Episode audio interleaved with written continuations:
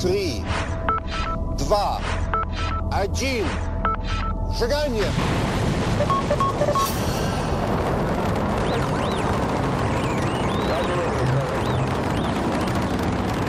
It's one small step for man, one giant leap for mankind. La Terra és plana, un espai de ciència, d'astronomia que fem cada diumenge a l'hora que surt el sol mirant cap al cel. Joan Anton Català, quina setmana Déu-n'hi-do, eh?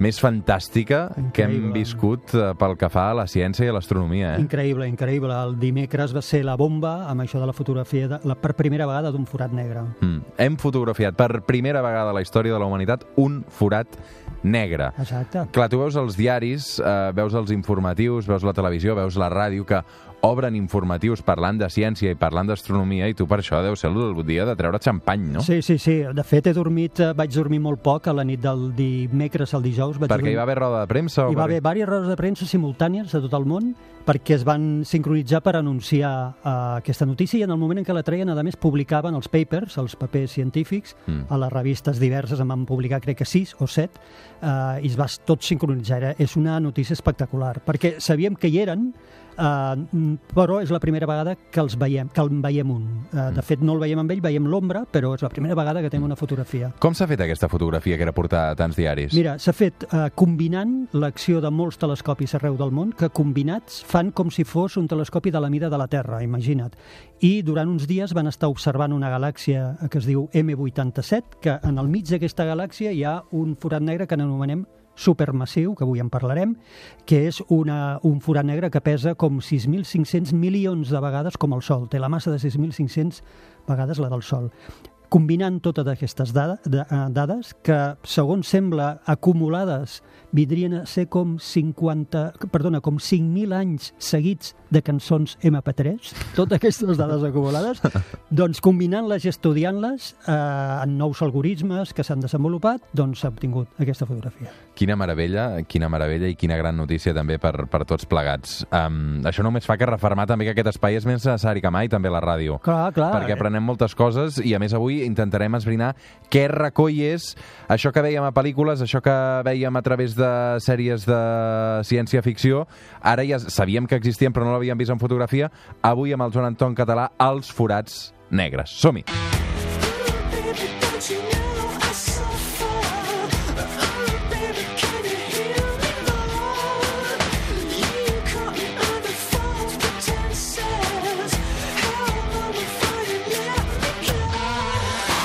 A veure, Joan Anton, què és un forat negre? Un forat negre és un objecte que té tanta massa, tanta, tanta massa, produeix tanta gravetat que tot el que hi cau, tot el que hi va parar, no, pot, no es pot escapar. Ni tan sols la llum, per això es diu forat negre, perquè per tant no emet llum, perquè com els altres objectes, quan els escalfes, emeten llum, ell no, perquè la llum que té se l'empassa i no pot ni sortir. Cap objecte que hi caigui pot sortir. Eh, entès. Gràfic, gràfic, gràfic. Molt bé. Existeixen de debò no? I tant. De fet, els va predir ja a l'Einstein amb la teoria de la relativitat, no ell directament, però altres científics, per utilitzant les fórmules de l'Einstein, es van predir.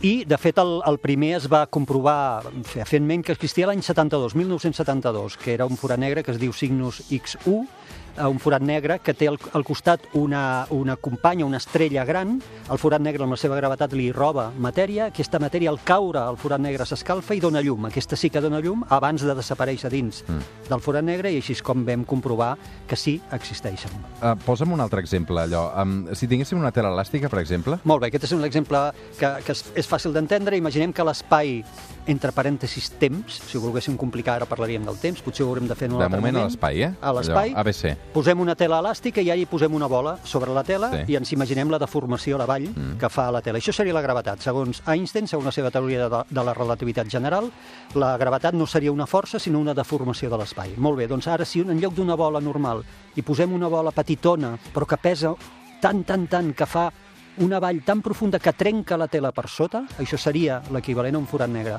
Res que hi caigui en aquesta depressió, en aquest forat, podrà tornar-ne a sortir simplement perquè desapareixerà el nostre univers. Avui amb el Joan Anton Català estem entenent, perquè ho estem entenent, què és un forat negre.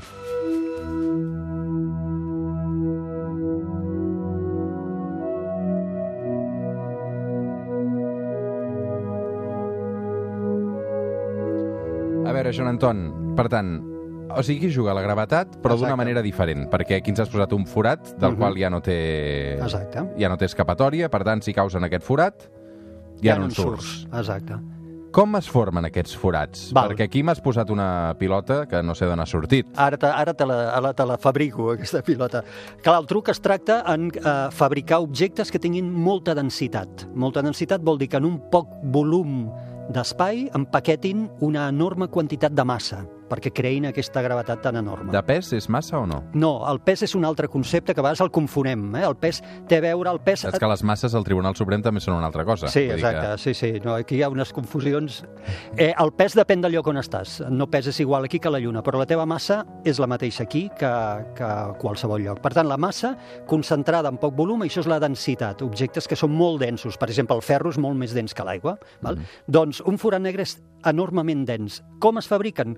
Comprimint matèria. La forma que faríem en un laboratori, si poguéssim construir nosaltres, que no podem, és agafaríem matèria i la comprimiríem, la comprimiríem i més, i més, i més, i més, fins que aconseguíssim empaquetar-la en un minúscul espai eh, de volum. I això seria eh, com fabricaríem un forat negre. I això és el que fa la natura. La natura fabrica aquest tipus d'objectes eh, mitjançant varis processos, un dels quals és la mort d'algunes estrelles eh, gegants. Algunes estrelles gegants, en el moment de morir, eh, se'ls acaba l'energia de la fusió nuclear que les manté en equilibri i tota l'estrella cau sobre si mateixa. És com si haguéssim detonat els pilars que aguanten un edifici vell i tot l'edifici bomba es, es vingués avall, doncs es col·lapsa tota aquesta estrella i a dins es comprimeix la matèria fins a, a límits insospitats per acabar formant un forat negre. Jo ara et deia límits insospitats i sempre utilitzo un exemple. Si volguéssim imaginar com és un forat negre, com quan hauríem de comprimir quelcom per convertir-ho en forat negre, si volguéssim convertir la Terra, tot el planeta Terra, amb nosaltres dins,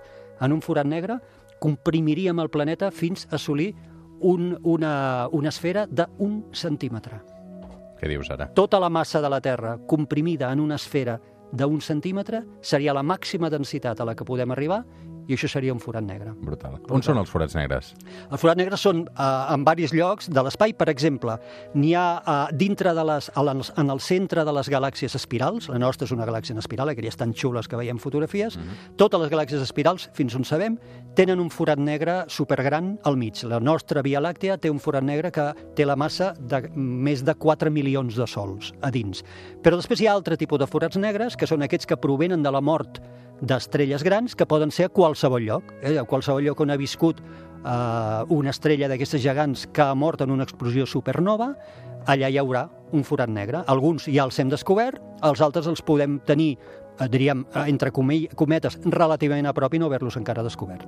A la Terra hi podria haver un forat negre? En principi podria haver-hi si el aconseguíssim fabricar i de fet eh, la teoria la tenim per fabricar-la i Hawkins també n'havia parlat molt que seria això, anem a comprimir un objecte i no cal que sigui la Terra, evidentment anem a comprimir en laboratoris un objecte i fer-lo tan, tan minúscul, tan petit que generem un forat negre, però això no s'ha fet mai Has dit una cosa que m'ha fet molta gràcia. Uh, dius, una de les característiques dels, uh, dels forats negres és que mm, el que entra ja no surt. uh, sí, Concepte maco de veure.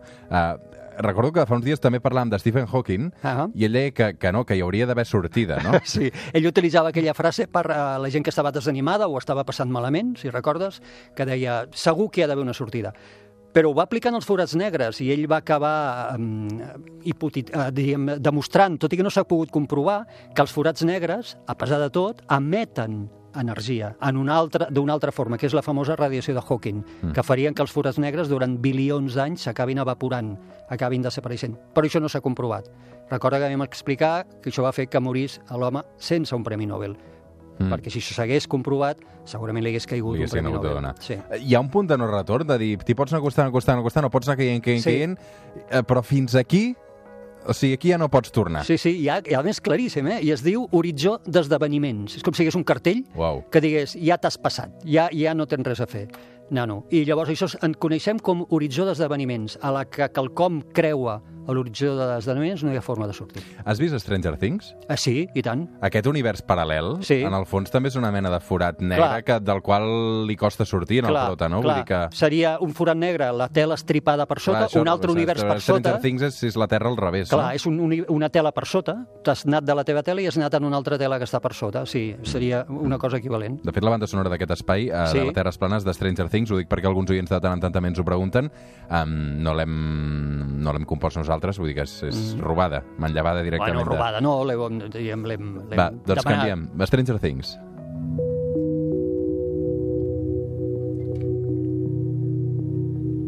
Això de l'horitzó d'esdeveniments m'ha fascinat, eh, Sí, Jonathan? és molt xulo. Eh, pensem, clar, això també et fa pensar com seria caure. Hi ha una meta, no, allà? Hi ha com el Sí. banderí de... Sí, sí, dir, bueno, ja t'has equivocat.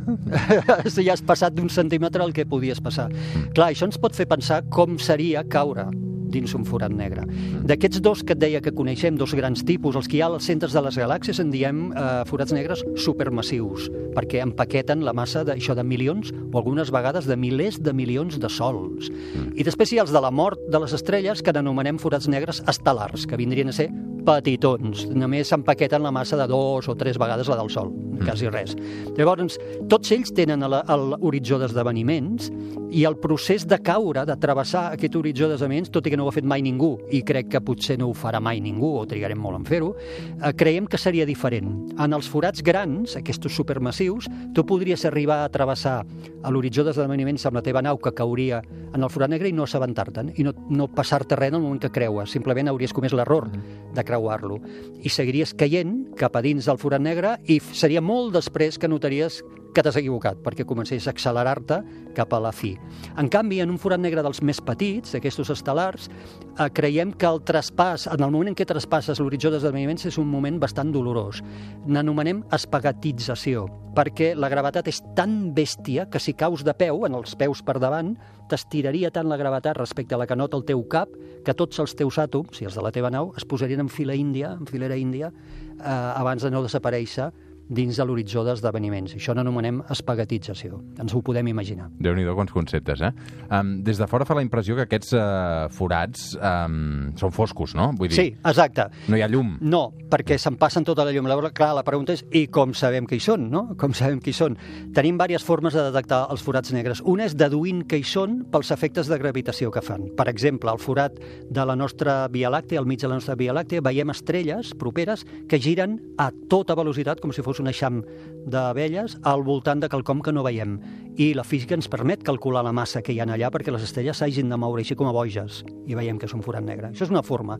N'hi ha una altra que abans l'he explicat, que és que quan un forat negre s'està empassant, està devorant matèria, abans que la matèria no desaparegui dintre de l'horitzó d'esdeveniments, s'escalfa, cau en espiral com si fos una aigüera on l'aigua eh, se'n va cap avall, i s'escalfa milions de graus i emet llum. Abans no creua a l'horitzó d'esdeveniments. Llavors veiem llum de matèria que està arremolinant-se, caient sobre quelcom que no hi és, sobre quelcom que és fosc i que no veiem. Calculem i allà hi ha un forat negre. Per tant, sí que tenim formes de, de saber que sí que hi són, tot i que ells no emeten llum. És fascinant, eh? Sí, són objectes... Jo sempre dic que són les I- bèsties de l'univers.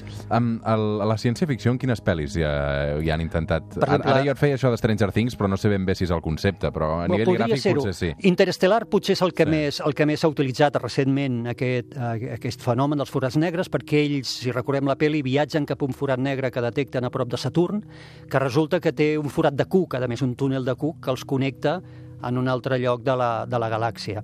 Uh, Contact també hi juga amb això, eh? quan la Jodie Foster viatja, ho fa a través d'un forat negre i d'un túnel de Cook i viatja a un altre lloc també de la galàxia en, en, instantàniament. Però tots tenen sortida. Tots, sí, tots aquests tenen sortida, cosa que és bastant discutible. Eh? Ja hem vist que el procés d'un forat negre eh, ni tan sols sabem què passa dins. És la nostra física falla, la quàntica i la relativitat són incapaços d'explicar-nos al centre d'un forat negre, que ara ja et donaré un altre concepte perquè puguis treure nota, mm. que es diu singularitat. Singularitat wow. és el punt, al centre del forat negre, i en diem singularitat, i allà, allà ni la física de la relativitat ni la física de la quàntica poden explicar què passa. Mm. Um, sobre l'exemple de la tela elàstica, uh, tu parlaves del concepte també espai-temps. Mhm. Què hi té a veure el temps amb tot això que hem anat Clar, explicant? ara imagina't que això de la tela no només fos espai, sinó que fos temps també. I aquesta deformació de les boles que hi posem, siguin planetes, galàxies o estrelles, no només deformen l'espai, sinó que deformen el temps.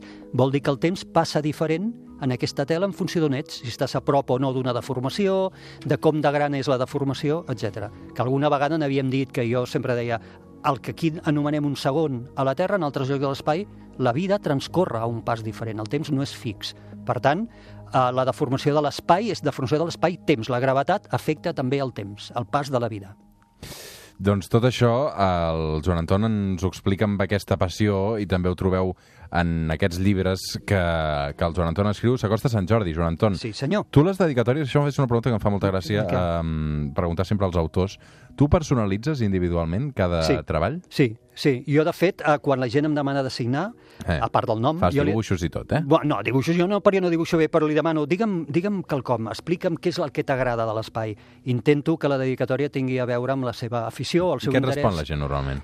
De tot, doncs, per exemple, hi ha gent que em diu els forats negres, m'atrau molt els forats negres, o la lluna, o Mart, o els robots, o, eh, o perquè, mira, li vull regalar a una persona que està fascinada pel tema del viatge en el temps.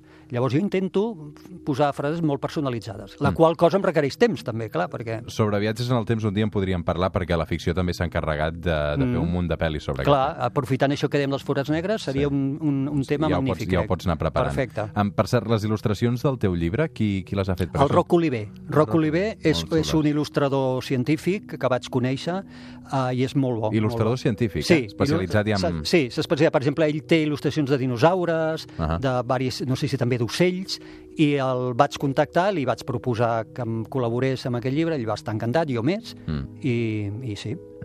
Um, doncs tot això ho trobareu en aquest uh, llibre, Guia d'observació del cel per nois i noies, um, de Cossetània, amb el Joan Anton, també un tastet del que, del que fan aquest espai cada diumenge a la Terra es plana. Joan Anton, sempre acabem mirant cap al cel. Sí. Anem-hi.